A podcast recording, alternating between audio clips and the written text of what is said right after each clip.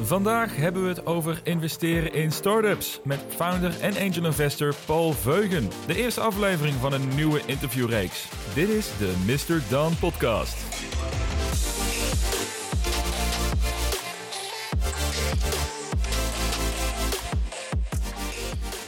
Vandaag hebben we een andere aflevering dan gebruikelijk. Want de aandacht van deze podcast ligt voornamelijk op beleggen. Maar het allerliefst willen we natuurlijk zo vroeg mogelijk investeren in innovatieve bedrijven die hun industrie in de toekomst kunnen veranderen. En dat is de kern van deze podcast. En dat kan prima met aandelen, maar je kan ook overwegen om te investeren in startups die echt nog aan het beginpunt staan. En waarbij een beursgang echt een lange termijn droom is. Vandaar dat ik in de komende maanden in gesprek ga met zogeheten angel investors. En dat zijn personen die met eigen geld investeren in startups. Ik heb vorig jaar mijn eigen eerste angel investment gedaan en ik raakte gefascineerd door die wereld. Dus wie kan mij hier beter over vertellen dan degene die hier al zelf actief in zijn? Met vandaag de eerste aflevering met Paul Veugen, een bekende naam in de start-up wereld met een mooi verhaal om te vertellen. Maar voordat we starten, de gebruikelijke disclaimer. Wij geven geen financieel advies, dus alles wat je hoort in deze podcast is onze eigen mening. En investeer alleen met geld dat je bereid bent om kwijt te raken. Want investeren in startups, dat is nog een stapje risicovoller dan beleggen op de beurs. En waarom dat zo is, nou, dat ga je ook horen in deze aflevering. Je kan Paul volgen op Twitter via de naam P. Veugen of check de ontwikkelingen van zijn nieuwe bedrijf Detail op detail.co. En dan gaan we nu door met het interview. Veel plezier ermee en laat mij zeker even weten via Twitter, Instagram of de Mastodon website wat je ervan vond. Paul Veugen. Goedemiddag. Goedemiddag. Ik zit hier in Amsterdam, in het nieuwe pand. Ja. Ik heb een hele rondleiding van je gekregen, of wat je allemaal aan het maken bent. Nog een beetje leeg, toch? Ja, het is nog een beetje leeg, maar je ziet waar het heen gaat in de toekomst natuurlijk. hè? Dus ik merk meteen dat je een, eh, een man bent van de vele jaren. Ja, een beetje geluk hebben we de echo er ook uitgekregen voor deze uitzending. Dus. Ja, nee, eigenlijk zou je erbij moeten zijn geweest ja, als je dit luistert. Want hier helemaal omheen is een, er is een zwart doek is er neergezet om de echo eruit te halen. Er is een hele contraption is er gemaakt om het geluid aan de andere kant te dimmen. Dus uh, nou, ik heb duidelijk hier te maken met iemand die snapt hoe, hoe geluid werkt en hoe de kwaliteit werkt met, uh, met media. Maar uh, Paul, ja, leuk om jou te spreken. We hebben een, een tijdje geleden de eerste keer gesproken. als een korte introductie hiervoor. Ehm, want ik wil graag meer leren over startup investing, angel investing. Ik had het op Twitter gezet. Ik had gevraagd wie moet ik hebben. En ik had van mij meteen een van jouw collega's die zei, of een van waar je mee samenwerkt, zei: Je moet Paul hebben. Ja. Dus Paul, wie ben je? Uh, ik ben Paul, Paul Veugen. Um, ik ben 13 jaar geleden mijn eerste bedrijf gestart. Heet Usabilla. Um, dat met heel veel plezier uh, gedaan. En na vier jaar het stokje overgedragen aan een uh, goede vriend van me, Mark. Die heeft dat een heel, samen met Roel, andere managementlid, een enorm succes doorgebouwd. Toen ben ik mijn tweede bedrijf gestart, Human. een van de eerste activity trackers voor all the activity trackers op de App Store.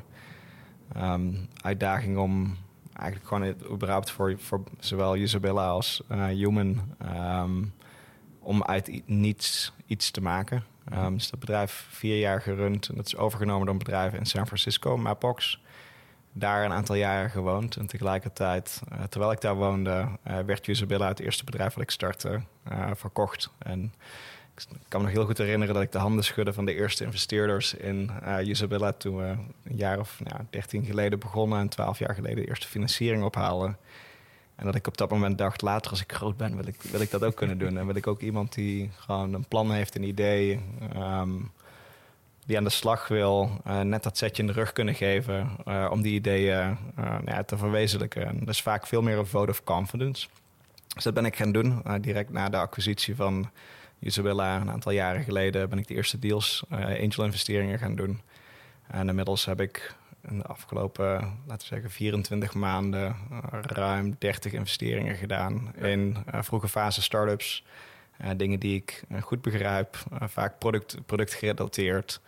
Um, hele vroege teams, dus mensen met meestal een idee en een eerste soort van vorm van tractie. Um, en dat ben ik nu ook meer aan het formaliseren. Dus in, het verlengde van die angel investeringen uh, zijn we ook bezig met het uh, oprichten van een fonds. Uh, om dat op grotere schaal te kunnen doen in, in Nederland, Europa en de, en de Verenigde Staten.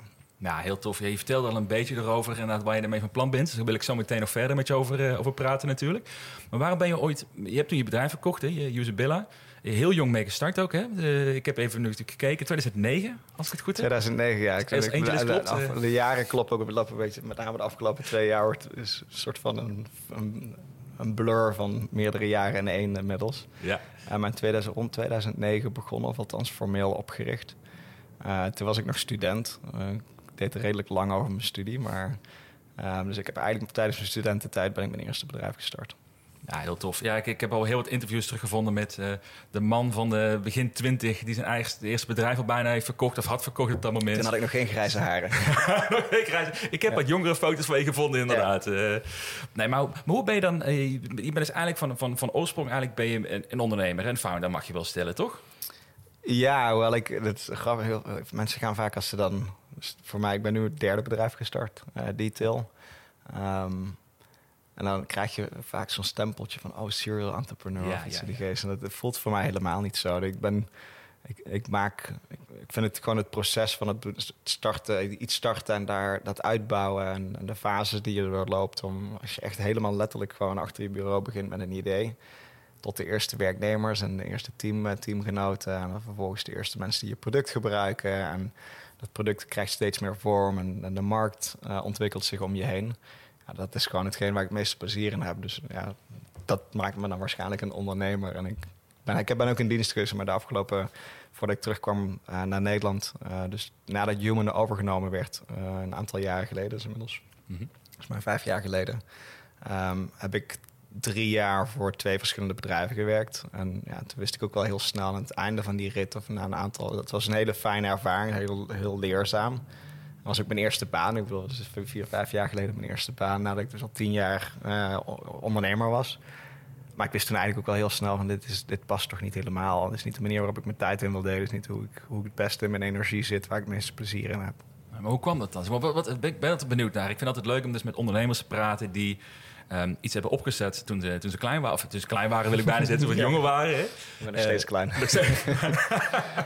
oh nee.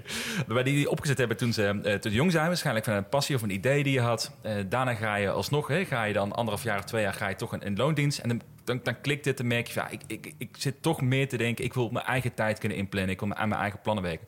Wat, wat zit daarin? Wat is het voor jou om jou, die jou toch weer drijft naar dat ondernemerschap dan?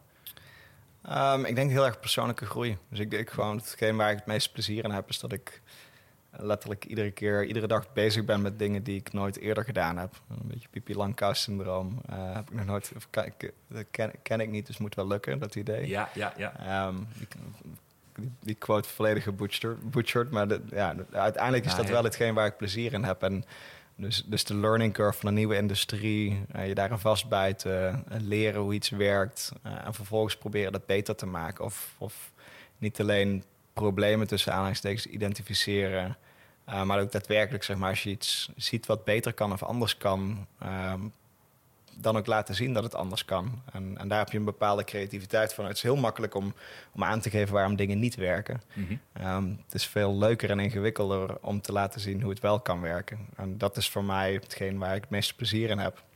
Dat kan ik natuurlijk ook als, als werknemer binnen een organisatie. Maar tegelijkertijd voelt het dan bijna een soort van...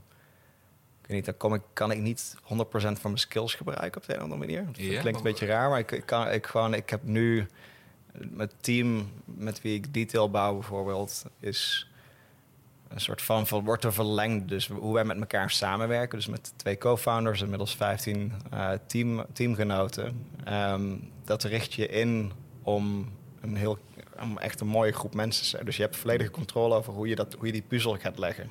Ja. En die puzzel wordt gelegd aan, aan, naar, naar het type product wat we proberen te bouwen, naar het type markt wat we, uh, waar we mee aan de slag gaan. En er zitten heel veel mensen, veel van, van ons hebben geen ervaring in de industrie waarin we opereren. En anderen hebben dan wel weer hele specifieke domeinkennis. Uh, en dat proberen we samen te voegen en samen te smeden tot een, tot een heel uh, mooi team. En dus voor mij is het, ondernemen is eigenlijk 90% team. Mm -hmm.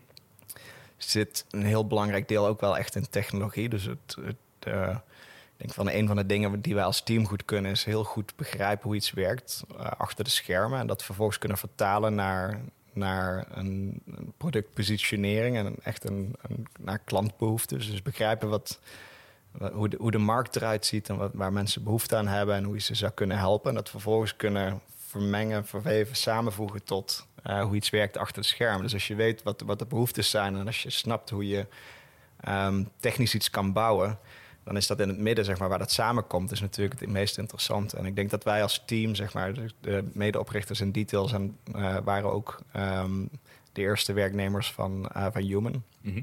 Dus ik werk inmiddels bijna tien jaar met hun samen. Hetzelfde geldt voor de nieuwe mensen die we aangenomen hebben. Er zit ook veel, heel veel verschillende kennis en ervaring bij.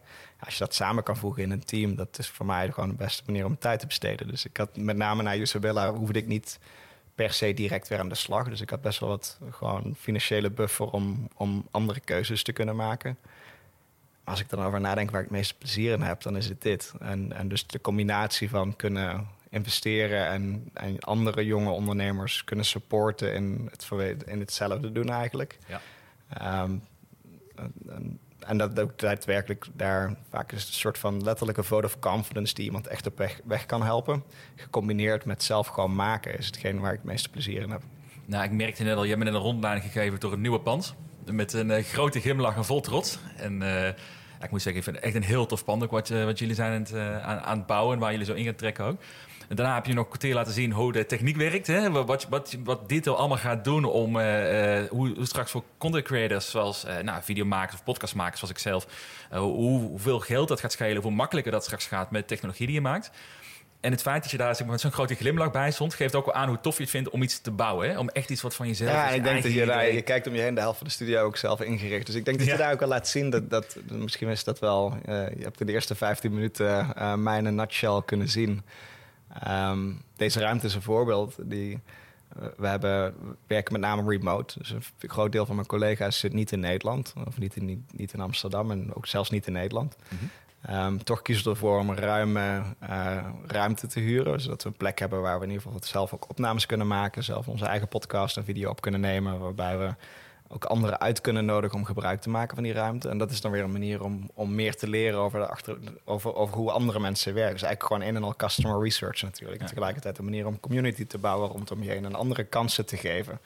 Dus wij zitten in een positie waarin we dat kunnen doen en waarin we dus die ruimte eigenlijk heel makkelijk divers in kunnen zetten. En dan, vind ik dan, vind ik zelf persoonlijk ook niks mooier om, om dat ook te verweven in het DNA van ons bedrijf. En dus ook anderen op weg te helpen met hetgeen wat we doen. En eigenlijk wat we met Detail doen is het toegankelijker maken van videoproductie. Het makkelijker maken om hoge kwaliteit video te produceren. Dus daar zit ook wel een soort van drive van, van misschien wel mezelf en, andere teammembers uh, zit daarin om, uh, om mensen um, eigenlijk creativiteit te unlocken op een ja, bepaalde ja. manier. En dan komt eigenlijk de hamvraag of de, de twist in deze vraag. Je vindt het heel leuk om zelf iets te bouwen, je eigen team te bouwen, eigen product te bouwen. En toch besluit je dan om te gaan investeren in andere founders, andere bedrijven. Hoe is dat ooit begonnen?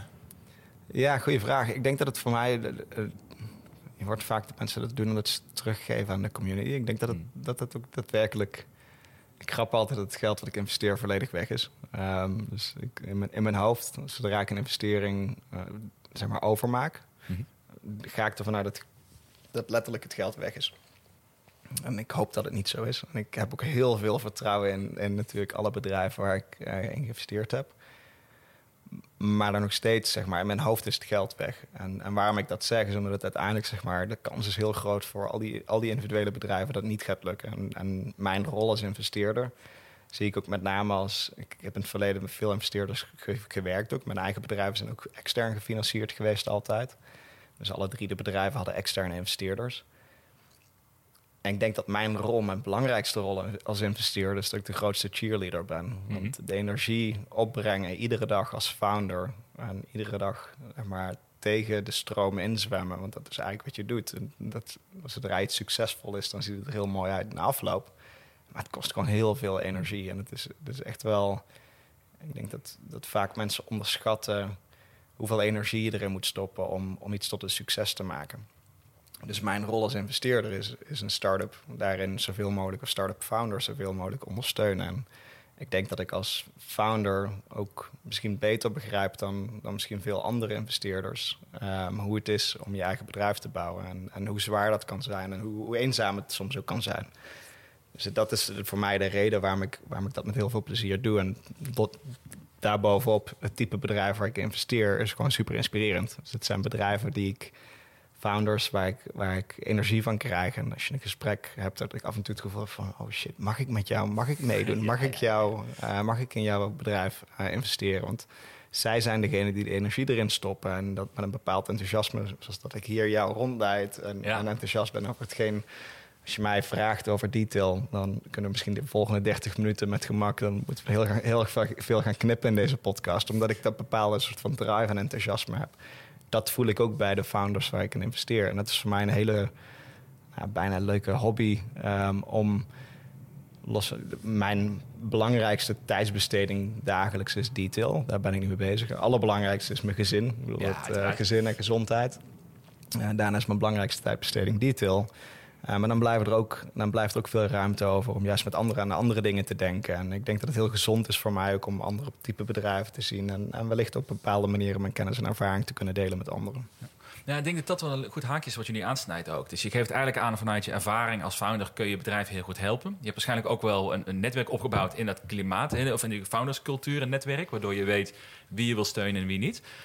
Als je nou, uh, ik wil zelf leren, daarom zitten we hier in gesprek met elkaar. En de, degenen die luisteren willen waarschijnlijk ook weten van, kan ik zelf ook investeren in startups?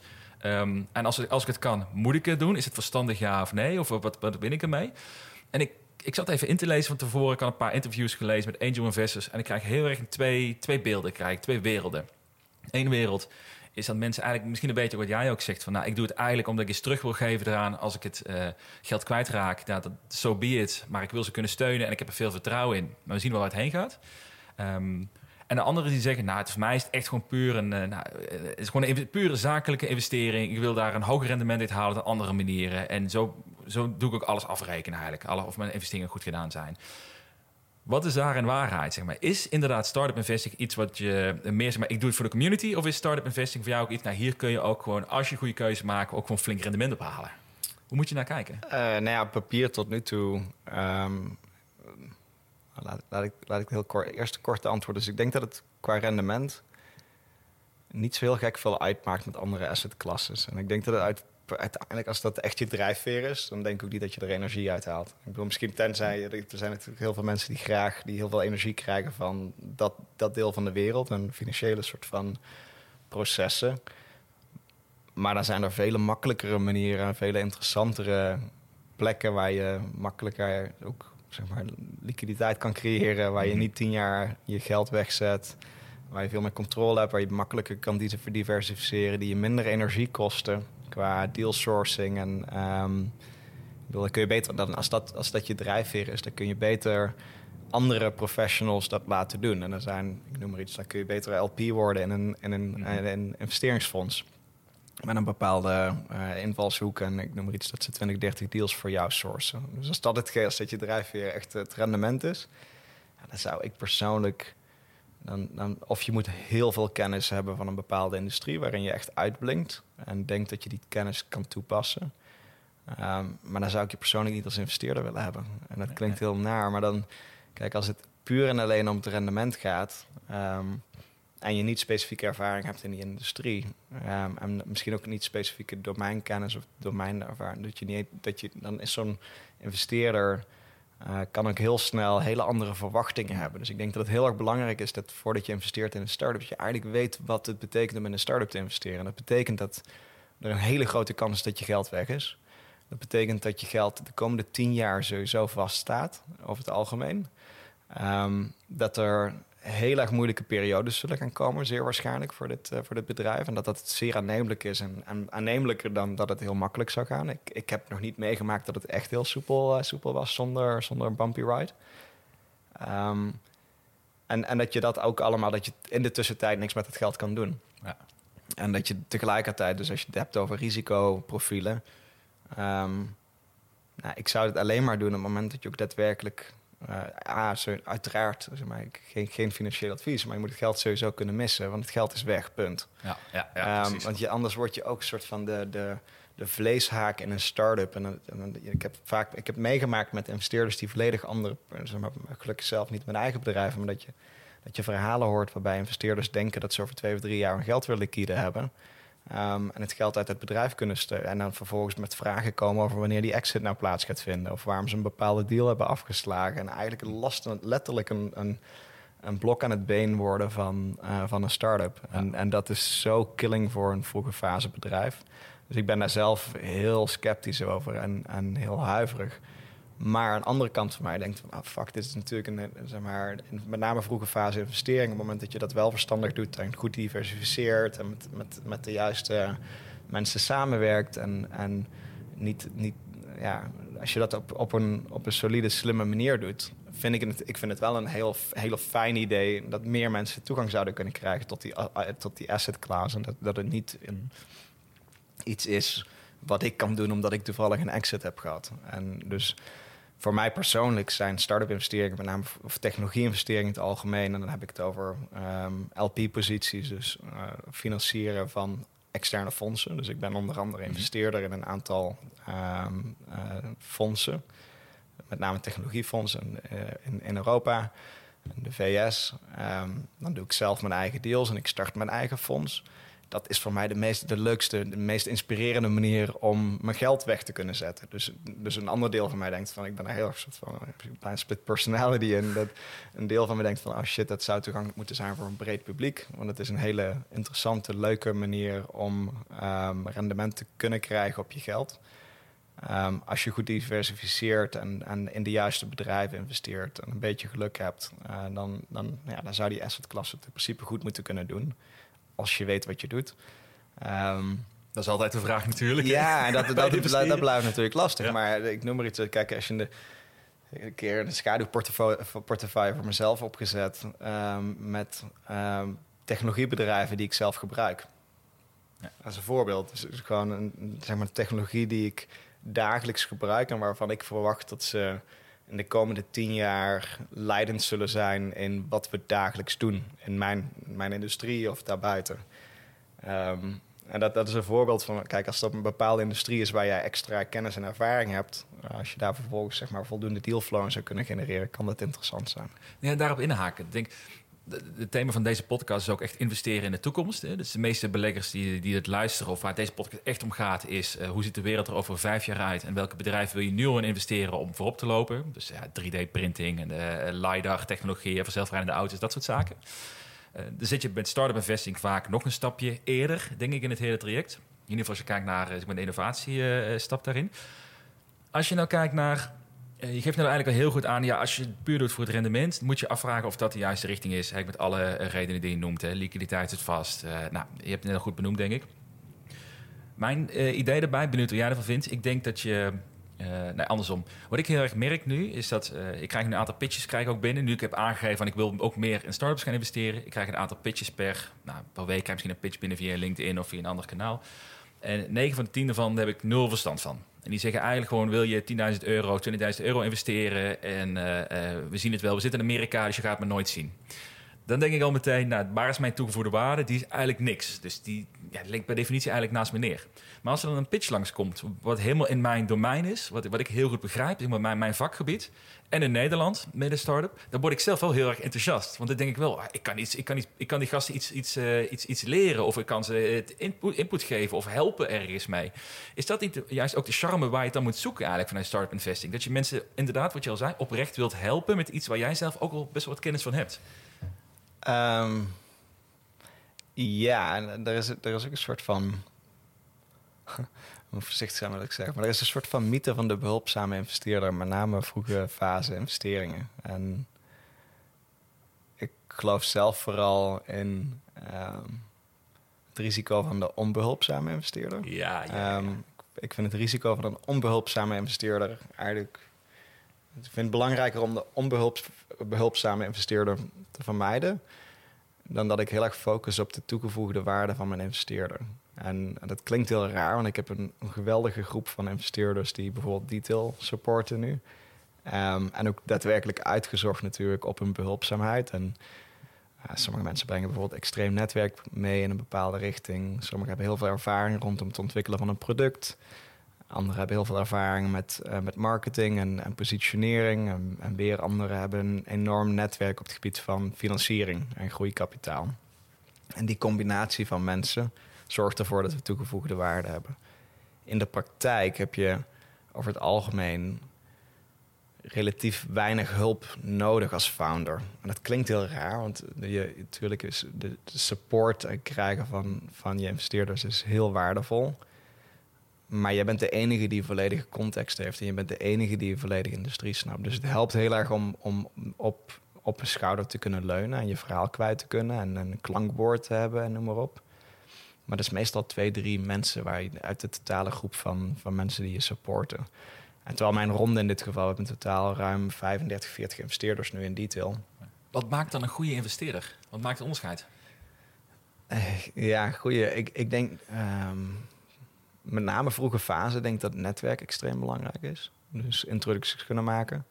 Um, dat netwerk kan ook zijn dat je mee kan helpen om de juiste mensen te vinden als, uh, voor een team. Dus hiring. Het kan zijn dat je um, introducties kan maken naar uh, mogelijke klanten. Dus dat je de eerste deals mee kan helpen closen. Het kan zijn dat je een goede referentie bent op het moment dat, je, dat iemand een, een karaktercheck doet op je op het moment dat, uh, dat er due diligence plaatsvindt. het kan zijn dat je ervaring hebt met een, met een, met een heel specifiek probleem van de industrie. Uh, dus een bepaalde domeinkennis hebt over de industrie waarin je opereert. Dus meestal zijn het twee of drie dingen waar klikken, waarmee het klikt. Ik weet bijvoorbeeld voor mij dat een van de, een van de manieren waarop wij toegang kunnen krijgen tot deals. Um, mijn, dus in het fonds wat we oprichten werk ik samen met uh, Misha, een andere ondernemer, en Anke. Um, en alle drie hebben verschillend profiel. Dus maar Anke is veel meer gefocust op go-to-market en, um, uh, en marketing. En, en, heeft een enorm netwerk en, en kennis, kennis op die manier. Ook met name zeg maar, internationaal. Micha is meer gefocust op technologie, gaat wat, gaat, gaat wat breder in dat opzicht.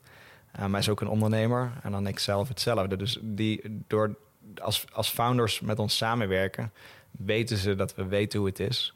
Ze weten dat we ervaring hebben rondom fundraising. Dus we weten hoe we een ronde rond kunnen krijgen. We kunnen introducties maken naar de juiste investeerders.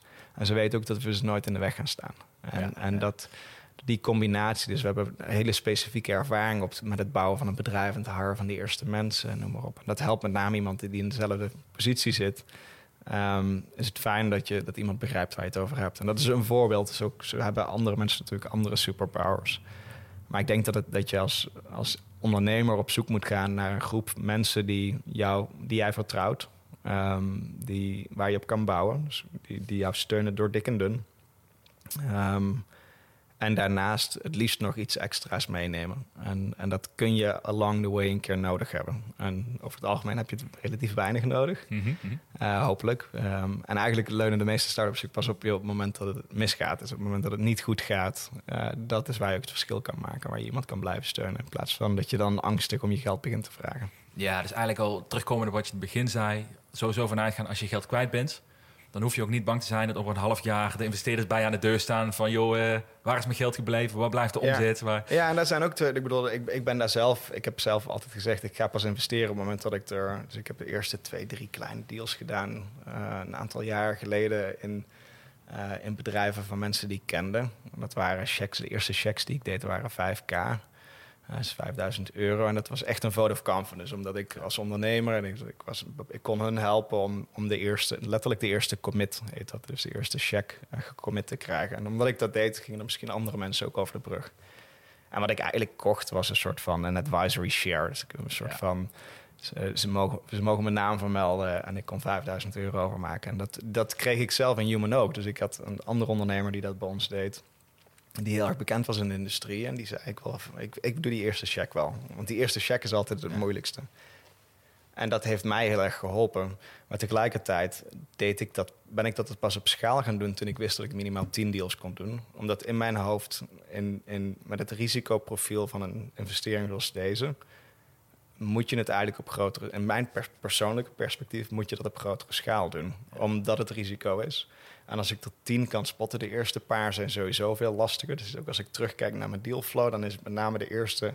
Je bent in, in eerste instantie heel erg optimistisch. En pas later ga je patronen herkennen. En ik heb heel veel goede, hele goede hoop voor ook die eerste deals die ik gedaan heb. Maar dat heeft even geduurd. En ik, ik was natuurlijk als ondernemer, zat ik al midden in die industrie. En, maar zelfs als je dan de switch maakt, ondanks dat ik de hele de, de wereld van, van dit soort investeringen kende als je dan die switch maakt, ben je in eerste instantie heel erg optimistisch en zie je alleen maar het goede en dan word je excited voor bepaalde deals. En, en om dat dan met anderen samen te doen, in, in groepjes of, of in, in een collectief, of dan kun je ook makkelijker iets meer volume draaien. Dus dan kan je misschien, stel dat je via, uh, je hebt een aantal platforms zoals Odin, volgens mij in Nederland mhm. inmiddels ook. En dan kun je een SPV opzetten, dus een single purpose vehicle. En dan pool je het geld met een aantal anderen samen. Dan is, dan is het in één keer voor een start-up makkelijker om een cheque van 25.000 aan te nemen van vier verschillende mensen. Ja, precies. Dus dan zitten er vier mensen achter die 25.000. Waardoor jij als, als kleinere investeerder misschien ook iets makkelijker vijf tot tien checks kan schrijven. Dus als je iets beter je risico kan verspreiden, is het makkelijker. Maar tegelijkertijd voor een start-up is het niet fijn om 2000 euro of 3000 euro investeringen te ja, krijgen. Precies. Wat zou dan volgens jou de beste manier zijn als je echt zou willen starten ermee om te kijken of het iets voor je is? Want je hebt eigenlijk twee richtingen net benoemd. Dus de, de, de, de, checks van, van 5000 euro, eh, mensen die je goed kent, die je wil steunen, om die manier erin te rollen? Of zeg je, nee, ga, ga met een groep gaan bundelen, ga onderdeel maken van een, uh, van een team en op die manier je eerste stappen eraan zitten? Ja, ik vind het een hele moeilijke vraag om te beantwoorden, want het ligt heel erg aan je, aan je, aan je portemonnee. ja, ja. Dus ondanks dat ik ja, ik weet niet. In, in, in mijn hoofd zou, zou, ik zou nooit iemand aanraden om deals te doen als je er niet tien kan doen. Ja. Uh, en als je dat kan doen, dus dat betekent dat je of kleinere checks zou moeten kunnen schrijven. Dus dan moet je manieren zoeken om die kleinere checks te schrijven. Um, of nog even moeten wachten met het, met het schrijven van die deals. En, tot, tot je gewoon een volwassen bent. Uh. Ja, en dan is de beste manier om, om, om in ieder geval ook die wereld te leren kennen... is bij wijze van spreken van baan wisselen... en, uh, en een vroege, vroege fase start-up uh, joinen. En zorgen dat je, in tegenstelling tot veel mensen zeggen nee tegen... of zijn niet zo geïnteresseerd in de start-up opties... Uh, maar dat is natuurlijk een hele interessante manier om, om ook een investering te doen. Uh, goed, dat spreken voor eigen parochie. Nee, precies, precies. En de nuance daarop? Of een, uh, we hebben nu heel erg over pre-revenue echt startups, hè, die nog tractie moeten krijgen in de markt. Nou, dat, die zijn natuurlijk het meest risicovolle dingen van allemaal.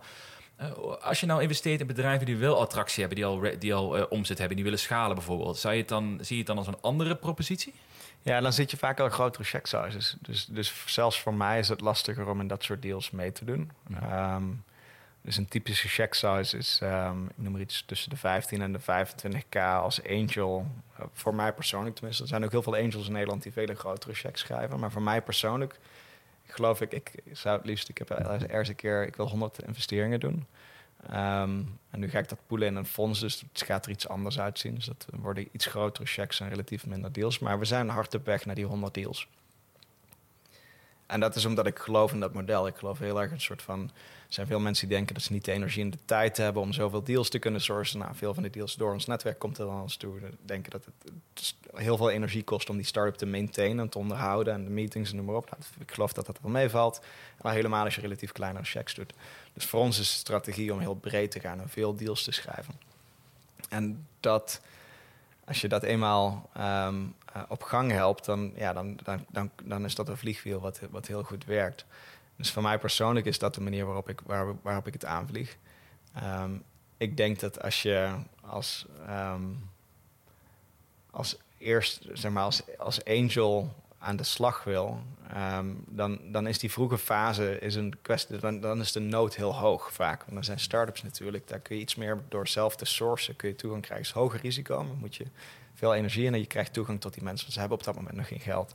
Op het moment dat een bedrijf al revenue heeft en dergelijke, zijn de stakes vaak hoger. Dus dan is het ook het bedrag wat je op moet halen, een investering die je nodig hebt. Met name in de technologie sector. Dus ik heb het echt alleen maar over mijn industrie. Ja, dus volledig een soort van afgebakend in mijn, mijn uh, kleine leefwereld. Um, als daar een Series A, ik noem het, de Series A wordt dan vaak gebruikt als label voor een bedrijf wat, uh, wat al flinke omzet heeft en nu kan gaan groeien.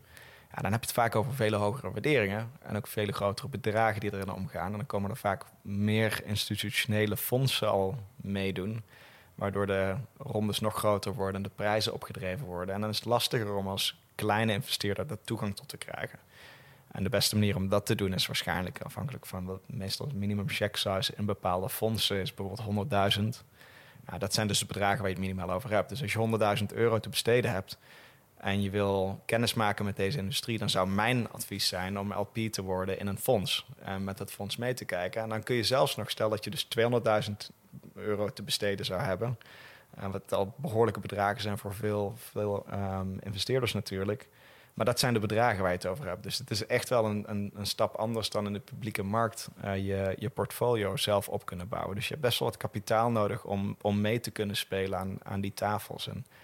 Voor veel van de fondsen die ik spreek is minimum commit 100.000. Uh, en dan, daar krijg je dan 20 deals voor ongeveer. Mm dan hebben ze vaak, met veel, veel fondsen hebben al een keer eerder een paar fondsen gedaan. Dus dan zie je al de track record, je ziet wat het rendement is. Je hebt nog steeds toegang, dus je ziet welke start-ups geïnvesteerd worden. Het is iets minder spannend dan ze zelf uitzoeken natuurlijk. Maar het zorgt wel voor een betere spreiding op een andere manier. Ja. Dat kun je natuurlijk zelf ook. Dus als je het hebt over 10, 20 deals, dan zou je dus als je 100k inlegt, heb je 5k per bedrijf dat je moet investeren. Um, veel bedrijven zouden zeggen 5k is te weinig. Um, althans, de type rondes die ik zie omdat 5K ook weer overhead heeft om zeg maar, de aandelen uit te geven of de papierwerk te regelen, de handtekeningen langs de notaris, know your customer-achtige uh, toestanden. Dus er zit best wel wat overhead op een deal. Dus dan is het vaak al een vriendendienst als je iemand meeneemt voor 5000. Ik zit even te denken, als je het hebt over een fonds, even een advocaat van de duivel erin. Stel dat je als, als, als, als jonge, enthousiaste angel wilt starten daarin. Het is natuurlijk belangrijk dat je ervaring op leert doen, de, de cultuur leert kennen en dat soort zaken natuurlijk. En als je ook fouten durft te maken in de beginfase, kan ik me voorstellen. Uh, is het niet zo als je dan in zo'n fonds stapt, dat je eigenlijk heel zwart-wit zegt: hier heb je mijn geld, maak maar mijn, mijn deals voor mij en ik zie wel wat eruit komt? Klopt. Leer je daarvan wel? Of is het meer van nou, je, je krijgt wel toegang tot het papierwerk, je ziet rendement op de deals, je ziet zeg maar over tijd hoe ze het investeren, je krijgt mooie briefings uh, over, over bedrijven. Um, dus ik vind het zelf als investeerder is dat soort van second best. Dat, uh, ja. Want ik doe natuurlijk mijn eigen deals. Mijn eigen deals kost meer energie. Dus ik vind het ook heel leuk om mee te kunnen kijken in de keuken van andere investeerders. En ook daarvan te leren. Dus voor mij zijn mijn, mijn posities in externe fondsen helpen mij. En dat is nog steeds een heel stuk leuker dan voor mij persoonlijk de publieke markt. Mm -hmm. um, andere manieren waarop je dat kan doen is bijvoorbeeld Angel List. Wat, ik, weet, ik weet niet wat de fiscale status daarvan is voor een Nederlandse investeerder. Dus ik wil, again, ik geef geen advies.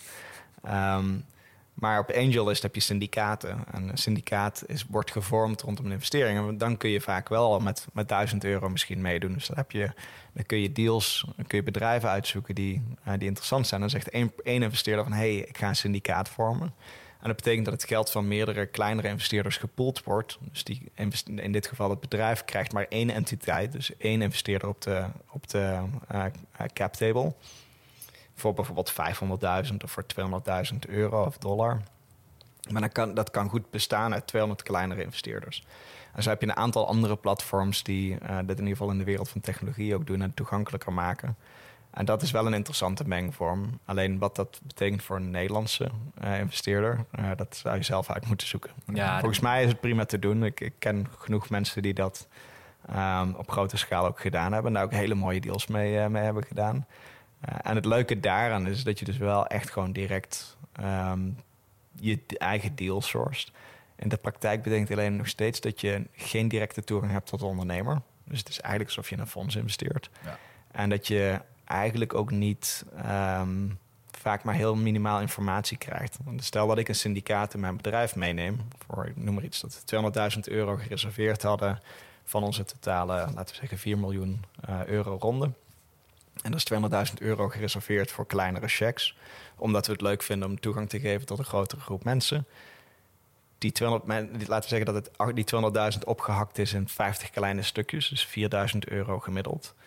Um, dan weet ik ook niet meer precies wie daarachter zit. Dus dan word ik ook iets voorzichtiger met welke informatie, interne informatie ik zou delen met die investeerders. Ben je meer een passagier eigenlijk? Hè? Ja, en je moet echt, het ziet het bijna een soort van, dan, dan is het bijna alsof ik een, een blogpost schrijf. Ja. Dus ik moet heel voorzichtig zijn met welke informatie ik met wie deel. Want misschien zit er, voor, zou ik goed bijspreken, ik ben vrij open in wat we bouwen. We bouwen sowieso detail heel erg uh, in die open. Maar als het gaat over, of ik noem maar iets, de, de dingen waar we over drie maanden mee aan de slag gaan uh, dan zou ik die niet snel delen met dat syndicaat. Dus de, ook daar is een soort van weer een afstand. Dus eigenlijk hoe kleiner de check, hoe meer afstand. Um, de, de, je krijgt toch vanzelf wel wat afstand tot het bedrijf. Ja, nou, ik kan me heel goed voorstellen. Ik, ik merk zelf ook, ik ben zelf een fan van het platform uh, Cedars heet dat. Ja. Een keer op Twitter gezet. Eigenlijk een beetje vergelijkbaar, maar dan nog meer ja. een, een, noem maar even, uh, amateurstijl, zeg maar. Waarbij je natuurlijk ook gewoon hele kleine aantallen kan investeren in, in allerlei startups. Super makkelijk. je hebt het zo voor elkaar. Dus ik, dat vond ik zelf een leuke manier om ermee te beginnen. Ja, en het is een mooie manier om ook, ook breed toegang te kunnen krijgen. En ook daadwerkelijk weer te kunnen diversificeren. Dus dat de stakes iets, iets lager zijn. En dan is het... Kijk, de deal... Ik, ik ben zelf niet bekend met, de, met, met het type deals wat je daar tegenkomt. Uh, maar het hele concept van een check oprekenen in kleine stukjes vind ik zelf persoonlijk wel echt wel. Ja, ik, ik zou graag zien dat meer mensen toegang hebben. En het liefst op een manier dat het risicoprofiel ook past bij hun portemonnee. Ja, en ik denk dat, dat mijn huivering rondom angel investeringen en, en, en starten met angel investeringen zit eigenlijk met name in de, in de wat is de check size die je nodig hebt om mee te kunnen spelen. En ja. ik noem maar iets, stel dat je naar het casino gaat. Um, en je neemt 500 euro mee en je gaat dat vervolgens uh, opbreken in 50 stukjes. Uh, en daar, dan kun je de hele avond plezier hebben. Als je die 500 euro uh, op, op één tafel zet en vervolgens zeg maar ook nog eens de hele avond moet wachten tot de uitkomst.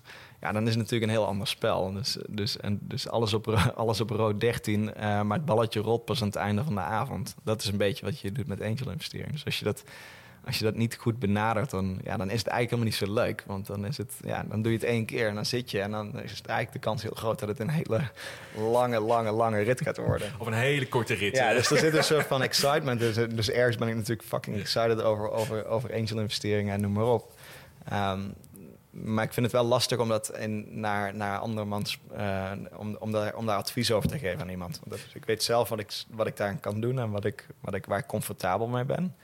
Ehm, en ik weet ook hoe lang het duurt. Ja, nou, ja, nou en ik vond het, je zei het net ook een paar keer dadelijk van, van dat je zoveel deals moet maken ook in een bepaalde periode. Van echt om divers portfolio op te bouwen. En ervan uit moet gaan dat het meeste geld gewoon weg is. En volgens mij is de strategie in veel gevallen toch ook van de negen... Nee, volgens mij, wat is de rekensom? Zeven van de tien bedrijven gaat failliet twee van de tien die levert een beetje rendement op. En één van de tien, als je het goed doet, dat worden een 10x, uh, 20x plus, toch? Dat is een beetje de ja, filosofie Ja, ik denk dat er zijn heel veel soort van... Uh, de, over het algemeen, als je een fonds opzet van, van bijvoorbeeld 20, uh, 20 investeringen... dan is vaak de vuistregel dat je één deal moet hebben die het hele fonds kan returnen.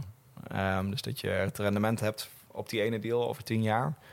Um, wat volledig het hele fonds uh, weer, uh, weer, weer vult. Ja, reken maar uit. Dus dat betekent dus dat in dit geval 1 op 20. Ik geloof dat de kansen best wat hoger kunnen liggen. Afhankelijk van, het, van hoe je sourced en noem maar op. Um, maar met name bij angel investeringen gaat het minder om de bedrijven die het niet redden. Veel meer om. Dus mijn risico zit niet in, in, het missen van. Sorry, mijn risico zit niet in, in het uh, investeren in bedrijven die falen. Mijn risico zit in het missen van de bedrijven die heel groot hadden kunnen worden te vroeg dus, verkopen of niet instappen ja, eigenlijk. Dus, dus niet instappen. Dus, mijn, dus je kan heel erg proberen je risico in te dekken. Um, maar de, de opportunity is eigenlijk veel belangrijker. Dus ik vind het belangrijker om die ene winnaar te kunnen spotten. Um, en, en die ene ondernemer die, um, wij spreken, echt gewoon tien keer harder gaat dan alle andere ondernemers. En als ze dan in staat is om dat bedrijf na tien jaar, ik noem maar iets uh, idealiter, het zou mooi zijn als er eentje public gaat. Uh, veel mooier dan verkopen of wat dan ook. Maar te spotten van die ene ondernemer vind ik belangrijker dan proberen heel erg mijn risico in te werken en alle redenen verzinnen waarom het niet zou werken. Want daar zijn we sowieso als Nederlanders heel goed in. Ja, ja. Dat merk je ook als ondernemer vaak. Dan zit je aan de, als je mensen vertelt over je idee of over waar je mee bezig bent, dan krijg je heel vaak zo'n soort van reactie. Ja, maar dat doet die en die toch al? Of dat is en dit en dit bedrijf dan. Er zijn altijd duizenden redenen waarom het niet is. Maar de kans is veel groter dat hetgeen wat ik nu start, gewoon dat ik volledig op mijn plaat ga. En dat vind ik ook het mooie eraan. Nou maar ja, die 10% kans dat het helemaal door het dak gaat, dat is natuurlijk waar je het voor doet. Waar je natuurlijk eigenlijk alle effort in steekt. Ja. En, uh, ik, ik heb er eigenlijk nog één vraag erover. Ik wil eigenlijk dat je mijn strategie even afkraakt. Daar komt het oh, meer. Okay. En wat ik denk namelijk dat wij heel anders denken over, uh, over investeren. En dat is alleen maar... Uh, ik wil je gewoon in je waarde laten. ja, nee, dat gaat niet gebeuren, denk ik. Nou, het, het, mooie, hoe, hoe, ik zeg maar, uh, hoe ik er nu werk, is eigenlijk heel erg risico gebaseerd. Dus ik investeer in groeiaandelen. Het, het zijn echt start-ups op de beurs dan. En er zit, in één aandeel zit gewoon 70% van mijn geld ook. Nou, daar, kun je, daar kan ik je vertellen, hebben heel wat mensen hebben daar wel iets van gevonden. Dat dat misschien niet de beste manier is om te beginnen. Maar ik merk nu ook dat ik dat ook een beetje dat zo doe nu bij start-up investeringen. Dus dat ik heb nu uh, vorig jaar een eerste angel investment kunnen doen in een bedrijf uh, in Ierland. Een software as a service bedrijf. Nou, vind ik heel tof. Want dan krijg iedere maand krijg ik nu een mailtje met dit zijn de stand van zaken, dit gaan we doen. Beste angels. Dus dat is natuurlijk helemaal fantastisch. Um, en ik zit nu te kijken naar, ik wil eigenlijk, wil ik het liefst nog drie of vier startups in Nederland, wil ik eigenlijk hebben, die waar heel goed bij mijn domein past, waar ik veel van weet waar je kan instappen voor, nou, noem het even 5000 of iets dergelijks. Dat is nog steeds veel geld voor iemand vanuit eh, waar, waar ik vandaan kom. Ehm, zeg jij, joh, pas nou even op. Ga eerst even zorgen dat je genoeg kapitaal bouwt. Uh, of dat je daarmee uh, je risico daarin kunt verlagen door meerdere posities zeg te pakken. En meerdere investeringen te kunnen doen ook. Zonder dat het een advies wordt, hè, want ik weet dat je dat niet geeft, moet je niet willen. Um, of zeg jij van, weet dat, ik ga het gewoon even... Ik zou het gewoon testen. Test het water, leer ervan. Uh, maar besef dat het ook gewoon mis kan gaan. Wat, wat zou jij daarbij... Wat zou je daarvan vinden? Ik geef geen advies. nee, um, zou je er wakker van liggen als het geld weg is? Nee, nee. Nou, ik denk dat dat het, het, het antwoord is. En, en ik, ik, zou, ja, ik zou persoonlijk wederom, ik geef geen advies, maar mijn, mijn, mijn profiel is ook heel. Ik kan me herinneren dat ik op een gegeven moment, zeg maar na. Dus, je, dus na die exit van, van Isabella was er op een gegeven moment, dan kom je bij een andere afdeling van de bank terecht. En, en die wilde best mij helpen om, uh, om te investeren. In eerste, dacht ik, in eerste instantie dacht ik, weet je, fuck it, ik doe dat allemaal zelf. Ik weet precies, maar ik, ik weet wat ik wil en, en zo ingewikkeld zeg maar, de, de, de, de basis hoeft ook niet heel ingewikkeld te zijn. En dan kom je al heel snel in soortgelijke percentages uh, rendement. En vervolgens had het over risicoprofielen. En ik was een beetje uit aan het schetsen wat het dan voor mij was. En ja, ik was dus eigenlijk off the chart. Dus off the chart van... van um, ik, werd op een gegeven moment bijna teruggefloten door de bankier van... hey, uh, zou je niet een klein beetje... Een beetje van, ja, En als een bankier dat zegt, dan weet je dat en mijn, en mijn, mijn stelling daarin is... Ik, ik ben ik voel mezelf nog heel erg. Ik ben nog hartstikke jong. Um, ik hoef nog niet na te denken over hoe ik mijn laatste dagen van mijn leven doorbreng. Ik, ben, ik heb het geluk en de luxe om te kunnen doen wat ik wil doen rondom qua werk. Uh, ik heb bepaalde skills die ik toe kan passen aan in, dagelijks, in mijn dagelijkse leven. Er, ik heb voldoende um, vermogen opgebouwd om, om een bepaalde vorm van zekerheid daar ook in te brengen. Dus ik heb een dak boven mijn hoofd dat is natuurlijk een absurde positie om in te zitten. En dus als ik morgen wakker word en een deel van het vermogen zou weg zijn, ehm, dan zou ik een keer met mijn ogen knipperen en dan zou ik denken: oh fuck, dat is wel anders dan ik had verwacht. Ehm, maar heel direct, ik zou er niet wakker van liggen. En, en, want dat is niet het belangrijkste in mijn leven op dit moment. En, en ja, dat betekent dat ik, dat ik niet klaar zou zijn met werken, bij wijze van spreken. Iets in die geest, het slaat gewoon helemaal nergens op. Dus tegelijkertijd heb ik een soort van luxe positie, ongelooflijk privilege dat ik, dat ik weer iets mag bouwen en dat ik weer een nieuw bedrijf start en dat ik met mensen werk waar ik heel graag mee werk en, en dat ik daar zelfs mijn centjes mee kan verdienen. Uh, en dat er externe investeerders daarin geloven en, en eigenlijk dus indirect ook het salaris van, van uh, mijn collega's en mijzelf uh, betalen. Ja, dat is natuurlijk een bizarre situatie. Dat is een soort van luxe die heel veel mensen in hun leven nooit, nooit zullen kennen. Die, die honderd keer harder werken dan ik. Um, maar geboren zijn met een andere skillset. En of uh, andere omgeving. En niet de kansen vanuit huis mee hebben gekregen. Dus ik ben me er 100% van bewust dat ik die omgeving waar ik in zit, dus ben, is gewoon pure luxe. Als in pure luxe van het heel veel uh, voordelen uh, ten opzichte van veel andere mensen die veel harder werken dan ik. Dus als dat morgen weg is, dan is dat, dan is dat niet het grootste risico. En dus als ik dan kijk, als ik met die noem maar iets, die investering die misschien net iets te groot is voor wat mijn, wat eigenlijk verstandig zou zijn, of dat het diversificatie op de beurs net anders zou zijn dan dat het zou moeten zijn. Het echte risico daarvan is natuurlijk relatief klein. Um, maar ik speel ook niet met geld. Ik eh, nooit met geleend geld, nooit zeg maar met op, dat, op die manier ben ik eigenlijk wel heel verstandig. Dus althans, dus steekt wel niet over me zeggen. Ja, ik ben wel heel verstandig geweest altijd. Ik heb nooit ook rondom het bouwen van bedrijf was mijn risico altijd persoonlijk dat ik, zelfs in de worst case van, van Isabella, toen het heel lastig ging, allemaal qua financiering, noem maar op, was de vuistregel. Als dit misgaat, moet ik binnen een half jaar tot een jaar weer volledig op beide benen kunnen staan. Dus als ik geld leen, moet ik dat binnen een half jaar tot een jaar volledig terug kunnen verdienen. En, nou, door mijn skills was mijn verdiencapaciteit best, best redelijk. Dus ik, worst case zou ik een baan krijgen waar ik wel salaris zou verdienen. Het klinkt ook vreselijk. En, kon ik het terugverdienen. Dus dat was, maar dat was voor mij altijd soort van. Het was altijd een heel erg gecalculeerd hoog risico wat ik nam. En hetzelfde geldt rondom die investeringen. Dus als ik ergens meer investeer dan dat ik denk dat het zou moeten zijn voor de fase van het bedrijf. Of, en dan is wel, dat heb ik wel in mijn achterhoofd, wat gebeurt er als dit weg is? En wat, wat is het worst case? Want ik ga wel in dat opzicht, ik reken het worst case door. Dus als jij het hebt over drie angel investeringen in de komende periode die je wilt doen, dan is mijn vraag vooral: hoe zou jij je voelen en wat zou het voor jou persoonlijk betekenen op het moment dat dat geld allemaal weg is? Het geld is weg. Ja, en precies. totdat het, niet, totdat dat niet zo is. Dus de komende tien jaar, zeg maar, over tien jaar, dan hebben we misschien nog een keer een gesprek. En dan zeg je, hey, die eerste of die tweede investering die ik heb gedaan, ik had er vier uitgezet. Um, twee daarvan zijn geflopt en eentje is nu mooi vier keer, of misschien is die wel twintig keer, of misschien is die wel honderd keer, of misschien is die wel duizend keer meer waard geworden. En, en al die gevallen zouden mooi zijn, uh, maar je kan er niet op rekenen totdat het gebeurt. Ja, dus eigenlijk daaraan samenvatten zeg je ook gewoon, weet gewoon heel goed wat de risico's zijn en wat als het fout gaat. Uh, wat is je backup plan? Hoe zorg je ervoor dat je gewoon nog steeds... Ja, reken jezelf niet rijk en dan helemaal niet met dit soort investeringen. En überhaupt niet met, voor mij persoonlijk, wederom geen advies, maar voor mij persoonlijk, zeg maar, reken, zeg maar, op het moment dat je in risicokapitaal investeert, moet je er gewoon vanuit gaan dat het risico is. Het heet niet voor niks risicokapitaal. En, ja. en daar ben ik zelf gewoon 100%. Ik bedoel, iedereen kent wel het verhaal van die ene zeg maar, oom of tante die, uh, die geloofde in het goede verhaal van, van iemand en vervolgens al een spaarcentjes kwijtraakte. Voor mij in deze fase van mijn leven is dat minder erg dan wanneer dat op je 50ste of je 60ste gebeurt. En dat betekent dat je nog tien jaar langer door moet werken. En, ja, en dus ook daarin geldt weer een soort van dat, dat bewustzijn over wat, wat voor keuzes je maakt. En dat klinkt heel erg belerend. En ik wil helemaal niet belerend zijn, maar ja, ik denk dat dat wel belangrijk is. Want ik bedoel, ik, ik doe dit. De, de investeringen die ik doe, kan ik vanuit een bepaalde positie doen. Dus dat is voor mij al wat voor mij relatief makkelijk en volume kan, wat ik nu kan doen door het geluk wat ik heb gehad. Uh, en harde werken, maar ook geluk. Uh, des te makkelijker wordt het voor mij.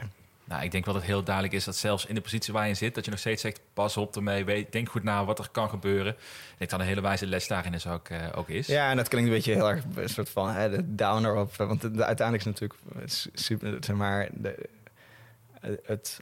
Um, investeren en je, en je geld op een manier gebruiken dat het niet, ik wil op de, bij de bank verdien je er weinig aan. Ook als je het hebt over gewoon vormen van spaargeld en manieren zoeken waarop dat geld um, ingezet kan worden um, om de wereld te maken waarin jij gelooft. Dat is waarom ik investeer. Dus, dus los van, zeg maar, ik, ik geloof in de ondernemers die met, en wie ik investeer. En dat is een bepaald type onder, dus een diverse groep van ondernemers. Het zijn niet alleen maar uh, witte mannen van 40 bijvoorbeeld. Het zijn bepaalde type producten waar ik in geloof. Het zijn bepaalde industrieën die ik nooit aan zou raken. En dat is omdat ik de wereld wil creëren waar ik in geloof. En die, waar, die ik achter wil laten voor mijn kinderen ook. Dus dat is mijn, als ik mijn geld dan gebruik, gebruik ik het liever op een manier dat het ook daadwerkelijk gewoon uh, goed toegepast wordt. En dat is natuurlijk een bepaalde manier van investeren die je ook bij start-up investeringen veel ziet. Dus dat is de positieve noot natuurlijk. Dat is de hele directe toegang tot dat soort uh, bedrijven. Nou, ik denk dat het een mooie afsluiter is. Laten we nog één laatste vraag. Want, maar ik dacht, we kunnen nog, denk ik, nog drie uur doorpraten. Want ik wil ook weten waar je investeert en wat er niet. Maar dat gaan we niet redden voor deze. Maar ik ben benieuwd naar ben, omdat dit echt een podcast is... meer gericht op innovatief, uh, innovatie en toekomst. Uh, heel kort, wat zijn nou twee of drie trends die jij nu in de gaten houdt... waar je denkt van, ja, dat vind ik echt heel interessant? Ja, dan gaan we toch richting uh, de hoek waar ik investeer. Um, de investment, zeg maar, de investment thesis van ons fonds, wat we oprichten, is ook met name zeg maar, mijn eigen angel investeringen. Dus dat zijn eigenlijk drie buckets. Over het algemeen investeer ik in de dingen die ik ken. Dat is heel kort. Dus de dingen waar ik, de industrie waar ik in opereert, technologiebedrijven. En over het algemeen zoek ik naar bedrijven die een uniek productinzicht hebben. En dat combineren met een unieke market insight. Dus heb jij een bepaalde, ik haat het woord innovatie, maar bepaalde productinnovatie. Dus doe jij iets anders, heb je iets slims verzonnen, zeg maar wat achter de schermen, zeg maar wat technologisch interessant is. Gecombineerd met, weet jij iets over de markt waarin je opereert, wat anders is dan anderen of wat uniek is voor jouw positionering. Ik geloof gewoon heel erg in de kracht van, van een product en plus positionering en dat bij de juiste markt. Dus je bouwt eigenlijk een soort van wedge, een kleine soort van een wig in een uh, nieuwe industrie. En dat moet altijd ergens beginnen met een heel klein puntje. En vervolgens duw je het erin en dan ram je het op een gegeven moment keihard door tot het heel groot is. Dus dat is het type bedrijf wat ik interessant vind. De industrieën die ik interessant vind, waar ik zelf in investeer, zijn met name gericht op um, professionele software, dus software as a service. Um, en onze aanname is dat iedereen in welke vorm dan ook een creator gaat worden in de komende tien jaar. En een creator, het woord creator is een beetje een, een vage term. Toevallig gisteren nog over gehad dat het, het woord, maar eigenlijk gewoon een maker. Ja. En, en dat maker kan zijn een software developer, kan zijn een, een designer, kan zijn iemand die video maakt. En het kan zijn dat dat onderdeel is van je werk. Dus dat je, ik noem maar iets, een bepaalde presentatie moet geven voor je bedrijf en daarvoor iets moet maken. Um, het kan ook zijn dat het core is voor wat je doet. Dus wij investeren met name in de picks en shovels voor de, voor de nieuwe makers. Dus als je erover gaat, een soort van een The Rise of the Creative Class, een boek van Richard Florida, is redelijk gedebunked tien jaar geleden.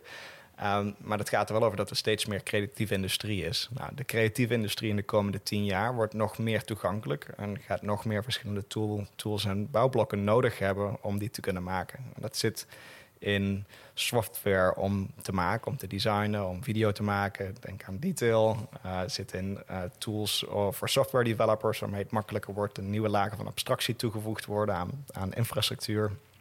Maar dat zit ook in hoe jij als individu geld kan verdienen. En dus als jij als individu een bijdrage levert aan een bedrijf, zal steeds meer van jouw bijdrage ook daadwerkelijk direct ownership opleveren. En dan heb je het over NFT's en DOA's en, en andere vormen van financiering. Dus kunnen we eindeloos over praten. Maar, drie afleveringen maar dat zijn dingen, dus als je nadenkt over dat soort industrie en dat soort platforms, er zit nu heel veel hype rondom, uh, rondom crypto en rondom DOA's en rondom NFT's. Maar er worden bouwblokken gemaakt eigenlijk waarmee je ownership op een andere manier gaat inrichten. En dat betekent ook dus dat jouw bijdrage aan een organisatie anders kan zijn. In Nederland zie je het eigenlijk op een hele grote schaal ZZP'ers die zelfstandig zeg maar eh, zichzelf hun eigen diensten en hun skills verhuren aan een bedrijf.